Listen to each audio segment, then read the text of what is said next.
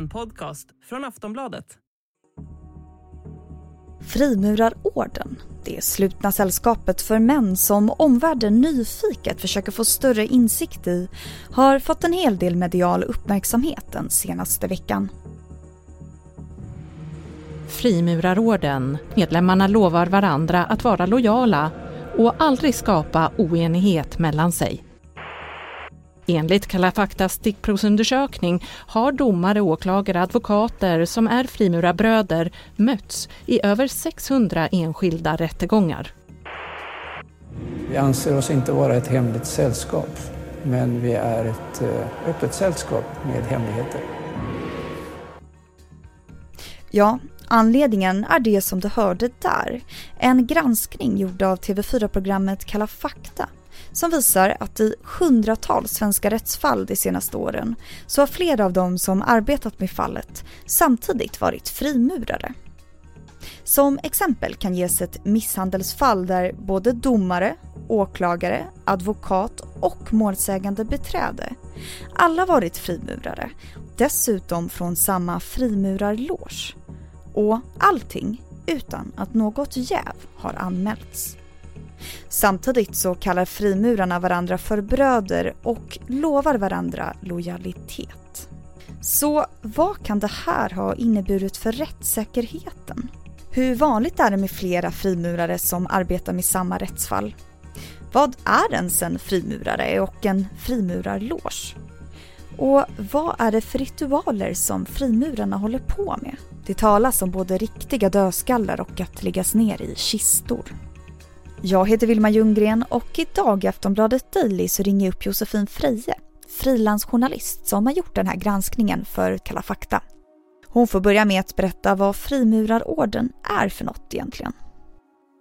Ja, frimurarna är ju alltså Sveriges, ett av de äldsta och största slutna sällskapen som vi har. De har funnits sedan 1700-talet och i Sverige så är det så då att eh, det måste vara eh, man och eh, kristen för att få vara med. Eh, så att eh, ja, judar, muslimer, kvinnor och ateister eh, kan inte bli medlemmar i, i Sverige. Och själva beskriver de ju sig som att de är en, vad ska man säga, en klubb för personlig utveckling som håller på med välgörenhet. Men det finns ju väldigt mycket eh, både konspirationer om dem, att de äter barn, alltså det, det, hela internet liksom har ju konspirationer om frimurarna. Men det jag kunnat se i den här granskningen, det är väl snarare att det handlar om, om att det är så slutet och att man inte får prata om vad man gör när man träffas på de här mötena. Mm, det verkar vara mycket hemlighetsmakeri runt allting. Men hur kom idén till den här granskningen? Eh, jag jobbar ju som eh, frilansreporter och så fick jag ett tips av en kvinna. Hon sa att det var något skumt i hennes eh, rättegång. Eh, Hon bara, det kändes som alla känner varandra. Eh, och när jag började kolla på det då så hittade jag då att eh, bara i hennes fall var det sex stycken frimurare. Alltså åklagare, vittnen, domare etc. Och då började jag kolla på det här och kartlägga då, alltså hur många är de i rättssamhället? Hur många domare, åklagare, poliser, advokater och andra jurister har vi och går det liksom ihop? Alltså för att när man jobbar inom rättsväsendet då ska man ju vara opartisk och öppen, det ska vara transparent. Hur går det ihop med vad de lovar varandra då bakom stängda dörrar? Så ingen av de här fallen så, så har det anmälts risk för jäv alltså? Precis. Och vi har ju pratat med många experter liksom under eh, researchen med, med det här eh, reportaget och Alltså lagen är egentligen väldigt tydlig. Alltså finns det någonting som gör att man ens kan misstänkas vara opartisk. Det spelar ingen roll om man som domare känner att jag är superproffsig och jag skulle aldrig vara opartisk. Men någon annan i salen, kanske en tilltalad eller ett brottsoffer, en kvinnlig advokat. Ehm, det, man måste liksom säga till om sådana här saker så att det kan göras en oberoende prövning. Så att alla kan säga då att ja, men det här känns inte okej eller det känns okej och vi kan fortsätta med, med rättegången. Du sa ju där att det började med en kvinna som kände liksom av att, att alla kände varandra på något vis. Men vet man vad det här mm. har inneburit för de rättsfallen där flera inblandade är frimurare? Det som går att säga eh, det är ju att eh, alltså förtroendet för rättssäkerheten har ju skadats i de här fallen. Eh, liksom när jag kontaktar folk så har ju de kanske märkt att någonting var lite underligt, att det var en väldigt nära gemytlig, broderlig kontrakt då mellan eh, vissa parter. Eh, men det är liksom att ta till, till nästa steg då och kunna bevisa, är det på grund av att de är så lojala mot varandra eller är det på grund av något helt annat? Eh, det är mycket svårare att liksom slå fast. Eh, men man kan i alla fall säga att de eh, eh, ska ju säga till. Det är just därför man har de här jävsreglerna. För att man inte ska behöva känna så när man går in i en rättssal. Eh, det ska vara liksom korten på bordet och eh, ha, träffas man kanske varje vecka och käkar middagar ihop, har lite ritualer och dricker konjak. Ja, då, då ska man faktiskt säga till att vi har ett personligt band. Och på tal om ritualer och konjak så medlemmarna får inte berätta om vad det är som sker på möten eller vad man lovar varandra. Men när du har granskat dem då, har du fått veta något om vad det är som pågår bakom de här stängda dörrarna? Eh, jag har ju genom avhoppare då fått tillgång till eh, alla frimurarnas ritualer. Alltså det är från grad 1 till eh, 10 och vad de faktiskt gör.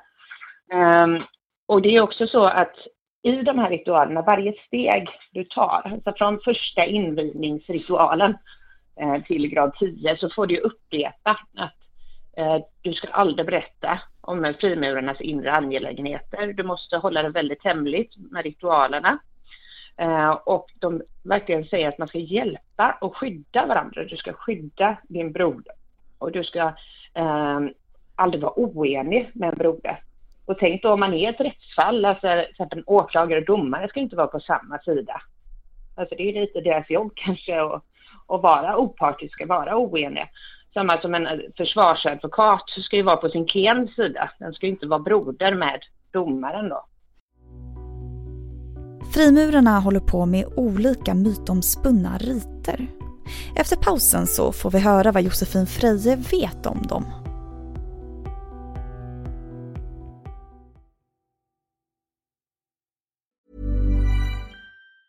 Quality sleep is essential for boosting energy, recovery, and well-being. So, take your sleep to the next level with Sleep Number. With a Sleep Number smart bed, you can individualize your comfort level and enjoy a better sleep night after night. JD Power ranks Sleep Number number 1 in customer satisfaction with mattresses purchased in-store. And now the Queen Sleep Number C4 smart bed is only $1,599, a saving of $300 only for a limited time.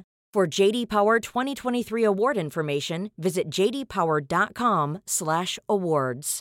Only at Sleep Number stores or sleepnumber.com.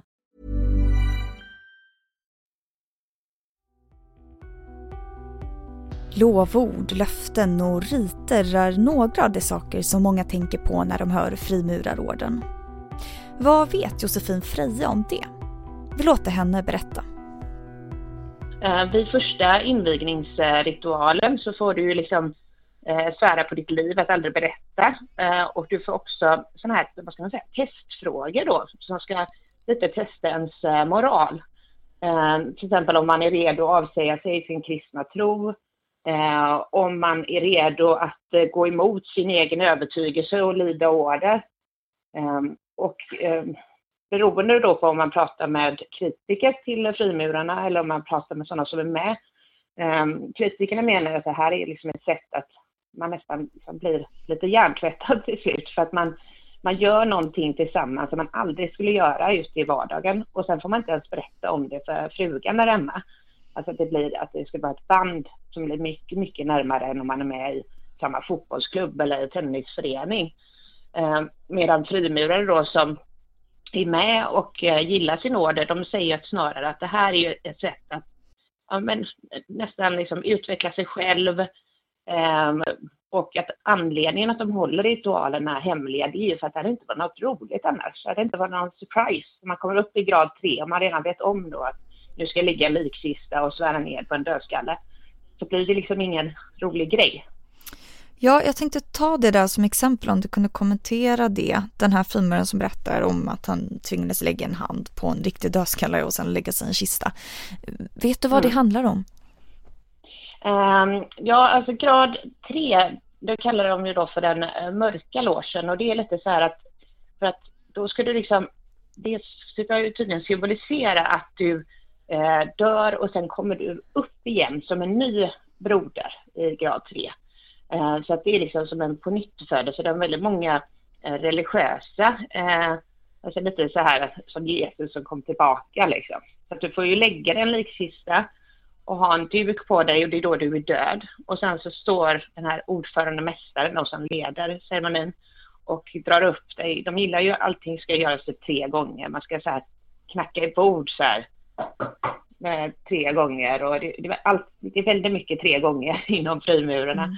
Eh, och då drar de upp en och så säger de någonting då om att eh, skinnet och köttet på ditt finger dras bort för du är ju död liksom, ditt lik. Men sen får du då komma upp och så är du med dina bröder i nästa steg i frimurarna. Och det här med att de inte får berätta någonting för någon utomstående. Vad händer om en medlem inte lyder den orden och, och faktiskt berättar? Då kan du ju bli utkastad ur orden eh, och då har jag också pratat med avhoppare då som faktiskt har blivit. Eh, och om man läser de här liksom, interna dokumenten som jag har kommit över då med redaktionen för Kalla fakta, där är det ju så att du, då, det står ju liksom att då är du en förrädare. Eh, du är ja, du är ju inte en broder längre utan du har svikit dina bröder. Så många som har varit med länge och sen av olika anledningar då fått sluta eh, berättar ju om en väldigt stor sorg. Eh, för att det här har ju varit hela deras sociala liv. Det kan vara liksom enklingar och du vet, man har alla sina killkompisar i det här gänget. Och sen en dag så är du liksom luft. De berättar att eh, folk inte hälsar på dem längre när de liksom ser de här vännerna som de kanske haft i 20-25 år på gatan. Så hälsar de inte längre för du är en förrädare. Mm. Frimurarordens högsta beskyddare kallas det i Sverige då. Eh, Frimurarorden finns ju i flera länder. Är ju kungen, alltså Karl XVI Gustav. Hur inblandad är han i orden? Vad är hans roll egentligen? Eh, Ja, det är lite intressant för att fram till vår nuvarande kung så var det alltid så att eh, kungen var liksom stormästare i frimurarorden. Men han är faktiskt den första som inte är det. Han är alltså själv inte medlem i frimurarorden. Och det vet jag inte om det är han själv som har valt eller om det är de som har valt. Men medlem är han i alla fall inte. Eh, så nu har de liksom civila eh, stormästare, eh, bankchefer eller någon politiker de har haft genom åren och sådär. Så det är faktiskt lite nytt då för den här kungen att inte leda frimurarorden. Och frimurarna själva då, har de svarat på er granskning? Ja, alltså vi fick ju träffa eh, några av de högsta ämbetsmännen då i eh, jobbet med det här eh, programmet. Men de, de har inte hört av sig, men däremot har medlemmar faktiskt från hela landet hört av sig. Och inte med kritik utan önskemål om att jag ska granska frimurarorden mer. Så det var faktiskt lite otippat. Eh, många har ju gått med för att de tycker frimurarna har väldigt fina värden och eh, gemenskap och sen har de då märkt att eh, lokalt att det kan finnas någon ordförande mästare som myglar med fastighetsaffärer eller alkoholtillstånd. Ehm, och eh, de vill liksom inte ha sådana här folk i, i sin order. Eh, för det står ju i deras allmänna lagar att du får inte, du ska inte gynna. Och sen eh, då när de har varit med några år så fattar de då att vänta lite nu. Hur fick eh, den här brodern det jobbet och hur, hur, eh, hur går det till här egentligen? Har det kommit några reaktioner från rättsväsendet? Lite grann faktiskt. Jag har pratat med flera kvinnliga advokater och åklagare som hört av sig som faktiskt var Eh, ganska förbannade för att de har också känt av det här eh, i några rättegångar. Man hade inte kunnat sätta fingret på det. Och sen pratade jag häromdagen också med justitieministern. Eh, men han, han var lite sådär att han hade inget sådär konkret han ville ändra för han menar att lagen är så pass tydlig, man ska säga till. Men att det är upp då till Domstolsverket och eh, eh, åklagarmyndigheter etc. att faktiskt eh, ja, kolla över, följer vi reglerna och behöver man kanske en liten eh, påminnelse eh, om vad det är som gäller. Du har lyssnat på Aftonbladet Daily med Josefin Freje, frilansjournalist som har gjort den här granskningen för TV4s Kalla fakta. Jag heter Vilma Ljunggren och vi hörs snart igen.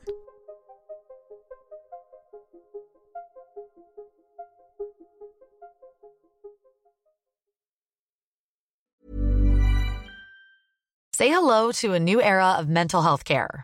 Cerebral is here to help you achieve your mental wellness goals with professional therapy and medication management support. 100% online. You'll experience the all new Cerebral Way, an innovative approach to mental wellness designed around you. You'll get a personalized treatment plan from a therapist, prescriber, or both in a safe and judgment free space. Your cerebral therapist or prescriber will outline a customized plan with clear milestones along the way so you can get to feeling your best. With Cerebral, you're not alone in your mental health journey. We're here to empower you to live a fulfilling life. So take that first step towards a brighter future and sign up today at cerebral.com slash podcast and use code ACasts to get 15% off your first month. Offer only valid on monthly plans. Other exclusions may apply. Offer ends July 31st, 2024. See site for details. Du har lyssnat på en podcast från Aftonbladet. Ansvarig utgivare är Lena K Samuelsson. Tired of ads barging into your favorite news podcasts? Good news. Ad-free listening is available on Amazon Music. For all the music plus top podcasts included with your Prime membership. Stay up to date on everything newsworthy by downloading the Amazon Music app for free or go to amazon.com slash news ad free. That's amazon.com slash news ad free to catch up on the latest episodes without the ads.